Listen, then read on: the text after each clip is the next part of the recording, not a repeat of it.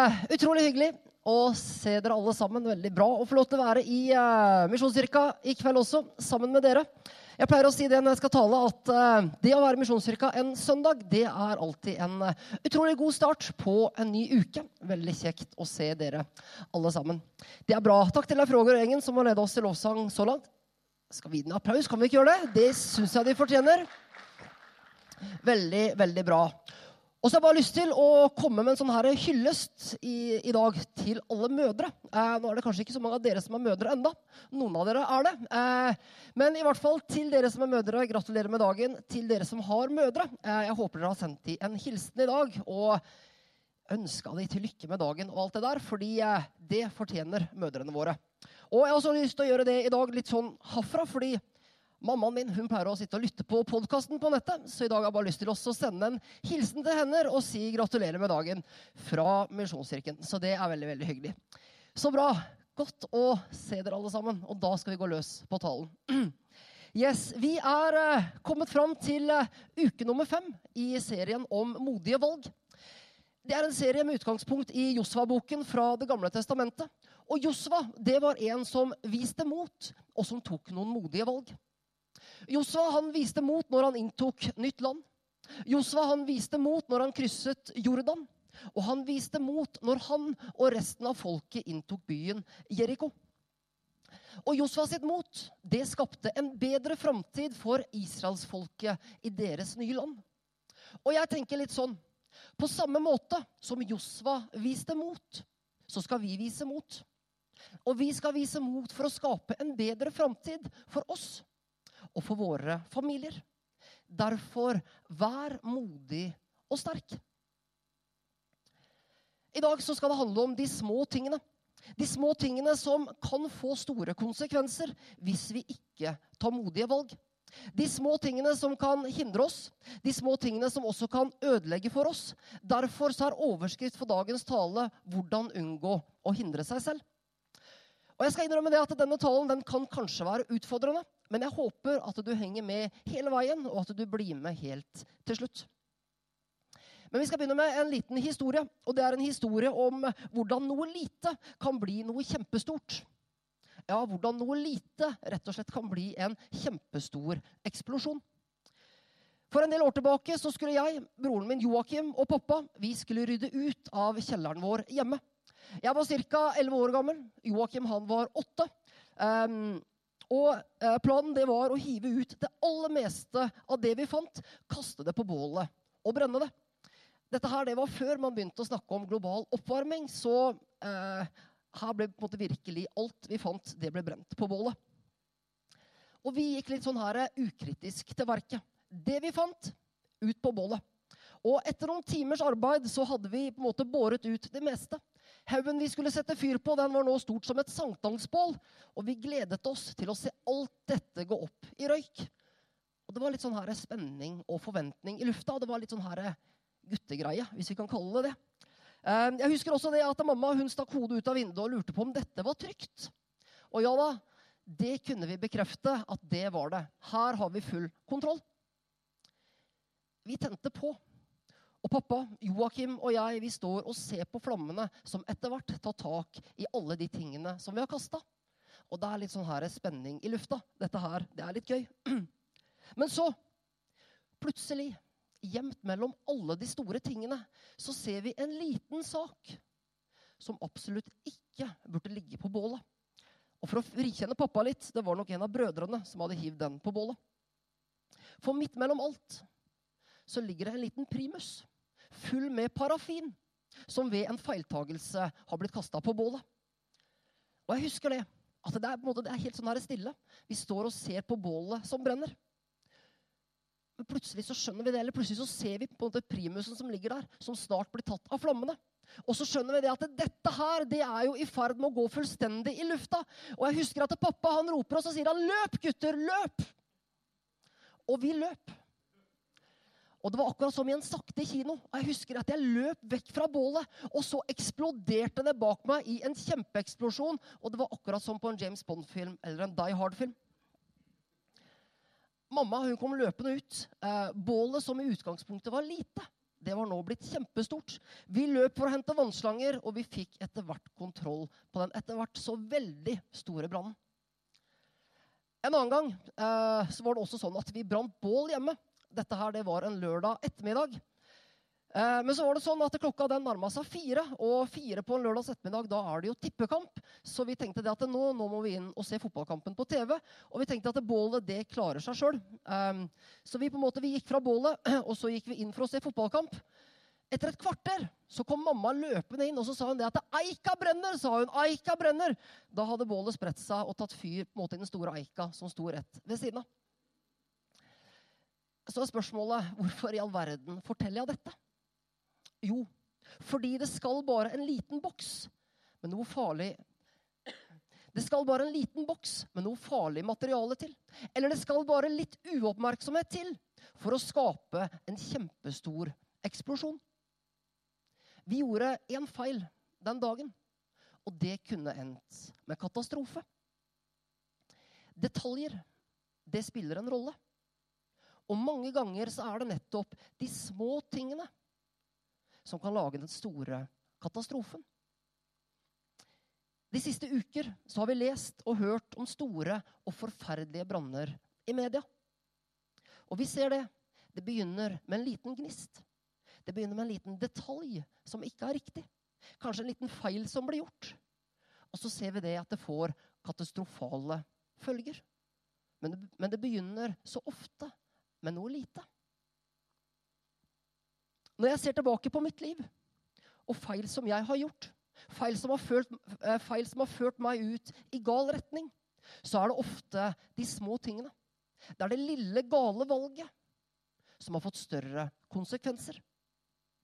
Og for å si det sånn hadde jeg ikke tatt tak i det gale valget som jeg har gjort, hadde jeg ikke bedt om tilgivelse, så kunne det endt med en kjempestor eksplosjon og ødelagte relasjoner. Og jeg tror at sånn kan det være for mange. Kanskje har man bak seg et ødelagt vennskap. Kanskje begynte det med en liten uoverensstemmelse. Og så nekter man å ta tak i det. Stolthet kommer i veien. Så vokser stoltheten og problemene. Og den lille uoverensstemmelsen som kunne vært gjort opp med litt ydmykhet, har plutselig fått lov til å bli et kjempestort problem. Vi hører om familiemedlemmer som ikke prater sammen fordi man for lenge siden hadde en liten krangel. Kanskje i forbindelse med et arveoppgjør. Så nekter man å ta tak i det. Man nekter å ta et modig valg og be om tilgivelse. Og plutselig så har det lille, gale valget fått lov til å bli en kjempeeksplosjon. Og bitterhet og sinne får lov til å ødelegge.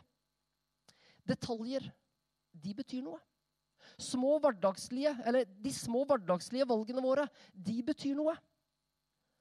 Og de små hverdagslige valgene de har kraft i seg til å ødelegge et ekteskap, et vennskap, en jobbrelasjon, familierelasjoner og masse annet. Hvis ikke vi velger å ta tak i det. Og jeg kjenner på sorg hver gang jeg hører om mennesker som i utgangspunktet var gode venner, eller som er i nær familie, som ikke snakker sammen lenger. Fordi en liten gnist, en liten uoverensstemmelse, har fått lov til å bli en kjempestor eksplosjon. Når vi leser om Josva og israelsfolket, så ser vi det at de også de lærte dette den harde veien. I Josva kapittel 6 så inntar israelittene Jeriko. Og alt har gått bra så langt. Josva søkte Gud i bønn. Gud sa det at de skulle gå en gang rundt byen i seks dager. Så på den syvende dagen så skulle de gå rundt byen syv ganger. Og så skulle muren rundt byen falle. Og før de inntar byen, så sier Gud til Josva i kapittel 6, 18.: Pass dere for det som er bannlyst, så dere ikke fristes til å ta av det. For da blir også Israel sin leir bannlyst, og dere fører ulykke over dem. Så Israelsfolket de går rundt byen x antall ganger. På den siste runden, den syvende dagen, så faller bymuren. Og Josva han roper til folket sitt, 'Ikke ta med dere noe!'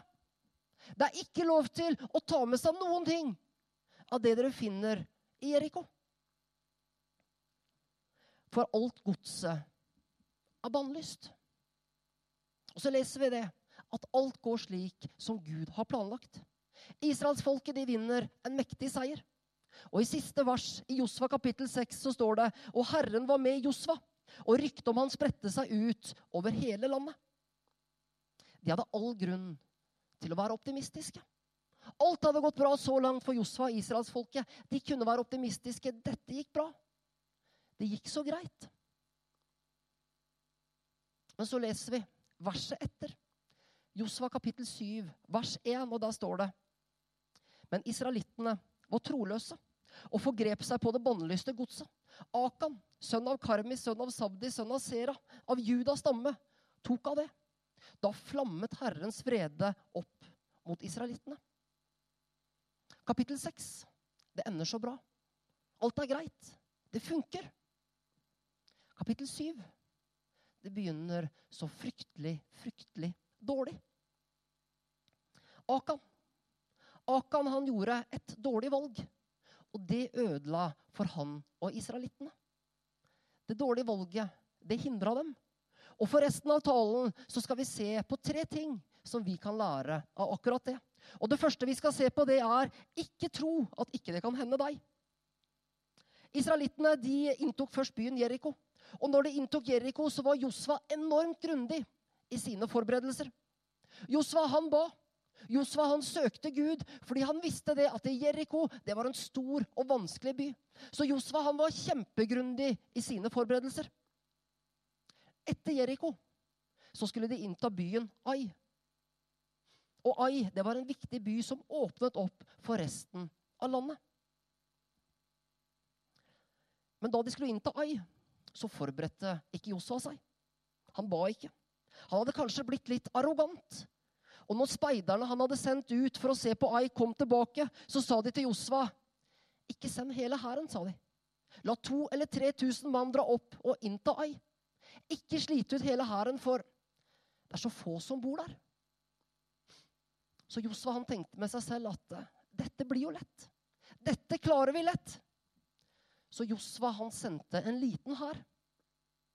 Men så leser vi videre i Josva 7,4. Så dro da omkring 3000 mann av hæren dit. Men de måtte flykte for folket i Ai. Josva han trodde ikke tap var en mulighet. Han hadde blitt arrogant. Han trodde det at dette, det fikser vi lett. Han brydde seg ikke med å be. Han var ikke oppmerksom. Og så ble det et stort tap. Og jeg tenker slik kan det være for oss også. For jeg tenker videre er det ting i livene våre som vi ikke er oppmerksomme på? Er det ting i livene våre som vi ikke ber over? Er det ting i livene våre som vi tenker at dette, det fikser vi selv? Dette, det har vi kontroll på. Dette er ikke noe problem. Dette, det klarer jeg selv. Jeg har kontroll. Dette er ikke noe problem. Jeg tror ingen av oss har møtt noen som planla å bli alkoholiker. Eller noen som planla å få et alkoholproblem. Jeg tror ingen av oss har møtt en som planla å bli avhengig av pornografi. Men så er det gjerne sånn at det begynner i det små. For jeg tror det at når vi kompromisser i noe lite, ja, så kan det føre oss ut på en farlig vei. Vi kan tenke at eh, det er jo ikke så farlig. Dette har jeg kontroll på, er bare litt. Dette, dette er bare en liten detalj. Dette fikser jeg så lett selv. Helt til vi ikke har kontroll lenger. Og nå har jeg lyst til å utfordre oss litt. Og med dette så utfordrer jeg like mye meg selv. Og jeg tenker, har du, eller har vi, åpnet noen dører til fristelse som kan føre oss på en farlig vei? Tenker du at eh, det skjer jo aldri meg? Jeg har kontroll. Trenger du å sette noen nye grenser? Kanskje trenger du, sette, trenger du å sette noen nye grenser for hva som er greit? Trenger du kanskje å sette en ny standard? Jeg vet ikke hva du tenker, men jeg vet i hvert fall for mitt eget liv at jeg trenger å sette noen grenser. Og så vet jeg også det at det er noen dører i mitt liv som jeg trenger å lukke. For jeg vil ikke at små detaljer skal få lov til å ødelegge min framtid. Og så vet jeg også det at i meg selv så er jeg svak. I meg selv så fristes jeg så utrolig lett.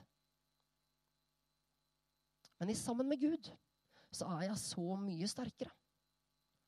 Og så vet jeg det, at hvis jeg, hvis jeg er oppmerksom på de små detaljene, på de små valgene, og så inviterer jeg Gud også inn i det, ja, så står jeg så mye sterkere. Før jeg begynte å arbeide som pastor her i menigheten, så jobba jeg flere år som bartender ute på Bryne. Og det var en spennende jobb. Men det var også et miljø som jeg var nødt til å sette noen grenser for meg selv. Og jeg var ganske så tydelig på mine grenser. For det første så satte jeg en grense i forhold til flørting. Jeg arbeidet i et miljø preget av mye festing, og mange folk var ute etter en tilfeldig flørt. Og det sier seg jo sjøl, jeg var jo høy, mørk og velbygd. Og fryktelig sjarmerende. Eh, hvorfor ler dere av det? Nei. Eh, så det var ikke for lite tilbud, for å si det sånn. Eh, nei da. Men saken var den at eh, jeg var nyforlova. Jeg skulle gifte meg. Og jeg satte en nulltoleranse i forhold til flørting. Jeg skulle gifte meg med Gunn Rakel. Og alle andre i utgangspunktet uskyldige tilnærminger var uaktuelle. Og jeg tenkte ikke engang tanken. Den døra den lukka jeg fullstendig. Og den døra, også, den døra har jeg også holdt lukket siden. Jeg satte også en grense i forhold til alkohol. Folk jeg traff, de var ute på fest, og det var høyt volum av alkohol. Vi hadde også personalfester, og på personalfestene så var det åpen bar, og det var 'drikk så mye du vil'. Men jeg bestemte meg for at i dette miljøet så skal jeg være annerledes. Jeg skal representere noe annet enn den kulturen som råder. Og så hadde jeg et ønske om å representere noe positivt inn i det miljøet. Så det var to grenser som jeg satt i forhold til det. Og så har jeg lyst til å utfordre oss og utfordre deg. Hvilke grenser trenger du å sette? Trenger du å sette en grense i forhold til alkohol? Fordi du vet at det kanskje blir for mye og for ofte. Har du personer, du, eh, har du personer enten på jobben eller i studiemiljøet, som du kanskje har en flørtende holdning til, selv om du er i et fast forhold? Eller er det andre grenser som du trenger å sette? Og jeg ønsker ikke å komme med noen pekefinger i forhold til dette her. Men jeg tror at ønsker vi det aller beste for vår framtid, ja, så må vi være bevisste på de små tingene. For detaljer, det betyr noe. Og hvis ikke vi er bevisste, ja, så kan det ødelegge for oss. Og hvis ikke vi er bevisste, ja, så kan det like gjerne skje med oss. Det kan like gjerne skje med meg som med alle andre. For det andre ikke skyld på Gud.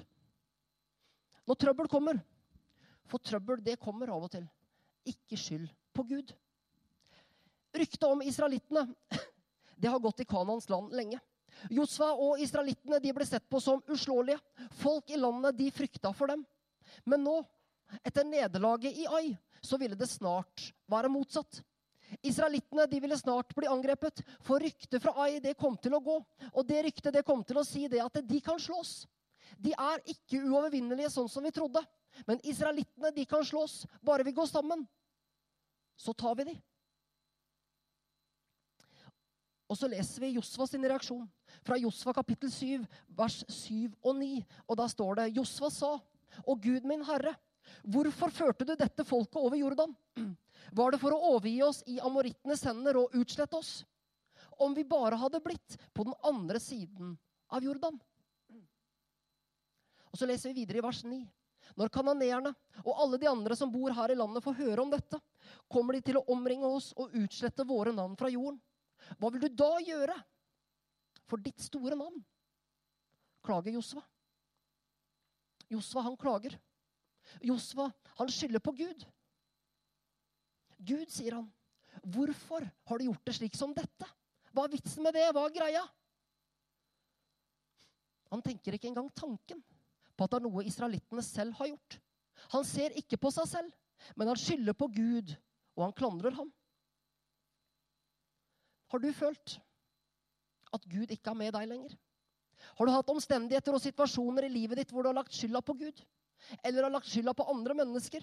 Og, spurt, og så har du spurt Gud hvorfor gjør du dette mot meg? Hva er greia, Gud? Hvorfor har du gjort dette mot meg? Kanskje har vi hatt relasjoner som har gått dårlige, og så har vi skyldt på Gud og sagt, 'Gud, hvorfor fungerer ikke relasjonene mine?' Hvorfor er alle mennesker så vanskelige bare mot meg? Gud, hvorfor går det så dårlig på jobben? Hvorfor er forholdet til kollegaene mine så dårlig? Gud, hvorfor lykkes jeg ikke på skolen? Hva er greia? Hvorfor går det ikke sånn som jeg vil? Og så skylder vi kanskje på Gud. Og jeg tror det, i de situasjonene, når vi er frista til å skylde på Gud, ja, så må vi kanskje begynne å se på oss selv først. For kanskje er det noe vi gjør som hindrer oss, og som gjør det vanskelig for oss. Jeg vet det at når noe er galt mellom Gunn Rakel, kona mi og meg, da kan jeg skylde på Gunn Rakel. Jeg kan skylde på Gud. Men det hjelper sannsynligvis lite. I stedet for så må jeg kanskje se på meg selv først. Og så kan jeg si jeg skulle kanskje ikke sett Liverpool-kamp når vi hadde ti års bryllupsdag. Det var kanskje ikke så smart. Jeg gjorde ikke det, altså. Men i hvert fall Når noe er galt i mine relasjoner, hvis noe ikke fungerer i relasjoner, enten på jobb eller med venner, ja, så vet jeg det at jeg må se på meg selv først. Er det noe jeg har gjort som hindrer dette fra å fungere? I ordspråkene 15.1 så står det 'milde svar demper sinne', men sårende ord vekker harme. Det er så lett å skylde på andre. Det kan være så lett å skylde på Gud. Men før vi tar en Josva Før vi tar en Josva, så la oss se på oss selv først. Spørre Gud om det er noe vi kunne gjort annerledes. For min påstand er det at Gud, han er aldri problemet. I Salme 117 vers 2 så står det For hans miskunn er mektig over oss. Herrens troskap varer evig. Og det, folkens, det forandrer seg aldri. For i Hebreerne 13,8 så står det fordi Jesus Kristus, han er i går og i dag den samme. Ja, til evig tid. Skylder vi på Gud, så hindrer vi oss selv. Men tar vi en titt på oss selv og spør Gud om det er noe vi kunne gjort annerledes, så vil Gud møte oss akkurat der vi er, med masse nåde. Og Gud vil hjelpe oss videre. Så til slutt kanskje det viktigste i dagens tale, men også det mest utfordrende. Ikke nøl med å drepe synden før synden dreper deg. Fordi greia er den at synd, det hindrer oss. I Josva kapittel 7, vers 10-12 så står det Da sa Herren til Josva, reis deg opp. Hvorfor ligger du slik med ansiktet mot jorden? Israel har syndet, de har brutt den pakten jeg påla dem å holde. De har tatt av det bannlyste godset. De har stjålet og gjemt det bort blant sine egne ting. Derfor kan ikke israelittene holde stand mot fiendene. De må snu ryggen til dem og rømme, fordi de selv er blitt slått med bann. Jeg vil ikke være med dere hvis dere ikke ødelegger det bannlyste godset som finnes hos dere. Gud han sier, 'Ikke skyld på meg'. Gud sier, 'Dette er ikke min feil, men det er dere som har rotet det til'. Og senere så sier Gud, 'Akan, Akan er problemet'. Og enda seinere så sier Gud, 'Jeg er ikke med deg. Jeg er ikke med dere før Akan er død'. Og det er tøffe ord. Og vi kan spørre oss selv hvorfor i all verden måtte Akan dø? Jeg skal innrømme at jeg syns det er vanskelig. Men Gud hadde to grunner. For det første Israel det var Guds utvalgte folk. Og han ville at de skulle være annerledes. De skulle være et annerledes folk. Annerledes enn alle folkene rundt seg. Derfor så sa Gud hele tiden 'vær hellig', fordi jeg er hellig. Gud han så ikke etter fullkommenhet. Han så ikke etter perfekthet. Men Gud han så etter helhjertethet og ekthet. For det andre Gud hater synd. Gud hater synd. Gud er hellig. Han er perfekt. Gud er syndfri. Og Gud han hater synd fordi han vet hva synden kan gjøre med oss. Fordi Gud han vet det at synden den kan ødelegge oss. Og Gud visste at Akan sin synd den kunne spre seg som kreft. Den kunne ødelegge for Israels framtid. Og hvis den ikke ble tatt hånd om med en gang, så kunne den ødelegge for de planer som Gud hadde for nasjonen. Fordi Gud han ville at Israel de skulle være et lys for verden. Videre i Josva-boken så ber Gud Josva om å stille folket opp. Stamme for stamme, slekt for slekt, familie for familie. Og ved utvelgelse så skulle Gud vise Josva hvilken stamme, hvilken slekt, hvilken familie. Og til slutt hvilken mann som hadde ført ulykke over folket. 600 000 mennesker stiller seg opp. Og dette tar tid. Dette tar hele dagen. Og det er masse tid for Akan til å bekjenne sin synd. Men han prøver å gjemme seg. Han prøver å late som ingenting. Han gjør, det, han gjør det vi mennesker så veldig ofte gjør. Gjemmer oss fordi vi kanskje er for stolte. Og så leser vi det i Josva-boken at til slutt så faller loddet på Akan. Hva om Akan hadde ydmyket seg? Hva om han hadde kommet til Josva? Når Josva stilte israelsfolket opp og sagt at eh, det er meg. Det er jeg som har synda. Tilgi meg, Gud. Jeg er overbevist om at Akan hadde fått tilgivelse. Fordi Gud er nådig. Og Gud møter oss alltid når vi kommer til ham. Men Akan, han nekter å svelge sin stolthet. Ja, og så leser vi det at det ender med død. Hva lærer vi av dette? Jo, at vi må ta synd veldig alvorlig. Fordi synd bringer død. Og det ødelegger. Og synd, det hindrer oss. Og så til oss. I dag så har Gud utvalgt oss. På samme måte som han i Det gamle testamentet utvalgte Israel.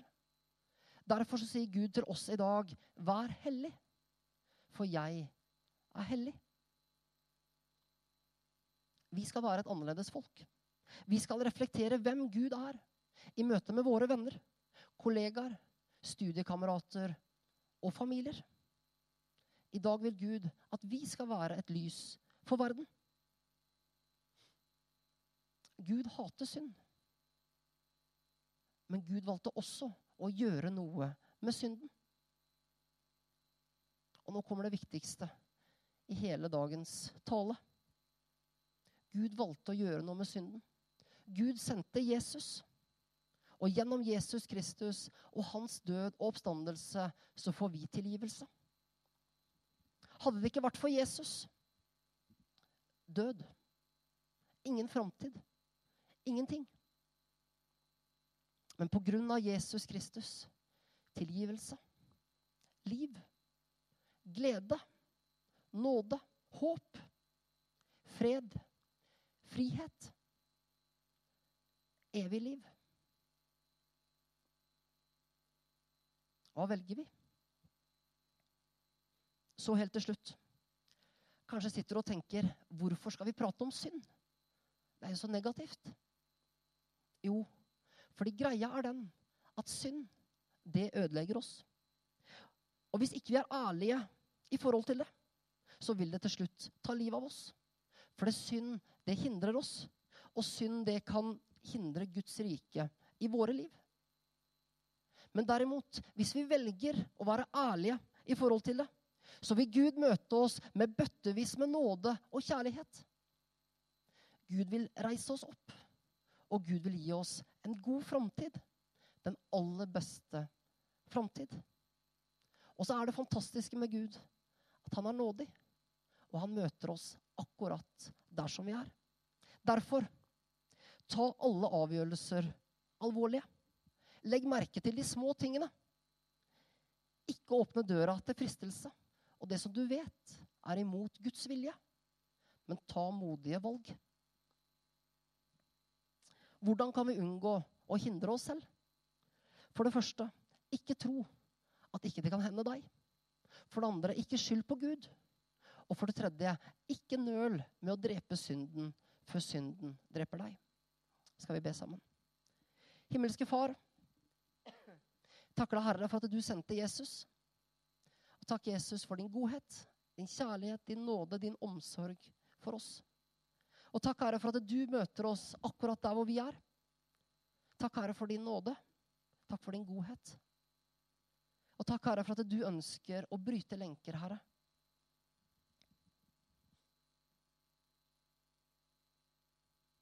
Og Jesus, jeg takker deg, Herre, for denne gjengen, Herre, som er her i dag.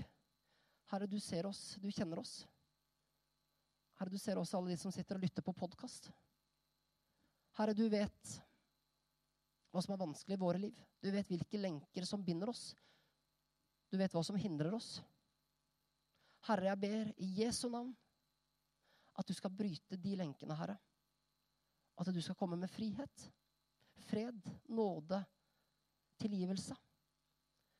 Og takk, Herre, for at du møter oss akkurat der hvor vi er. Takk, Herre, for at det er ingen fordømmelse i deg. Men takk, Herre, for at du er god og nådig, Herre. Takk, Jesus. Takk, Jesus.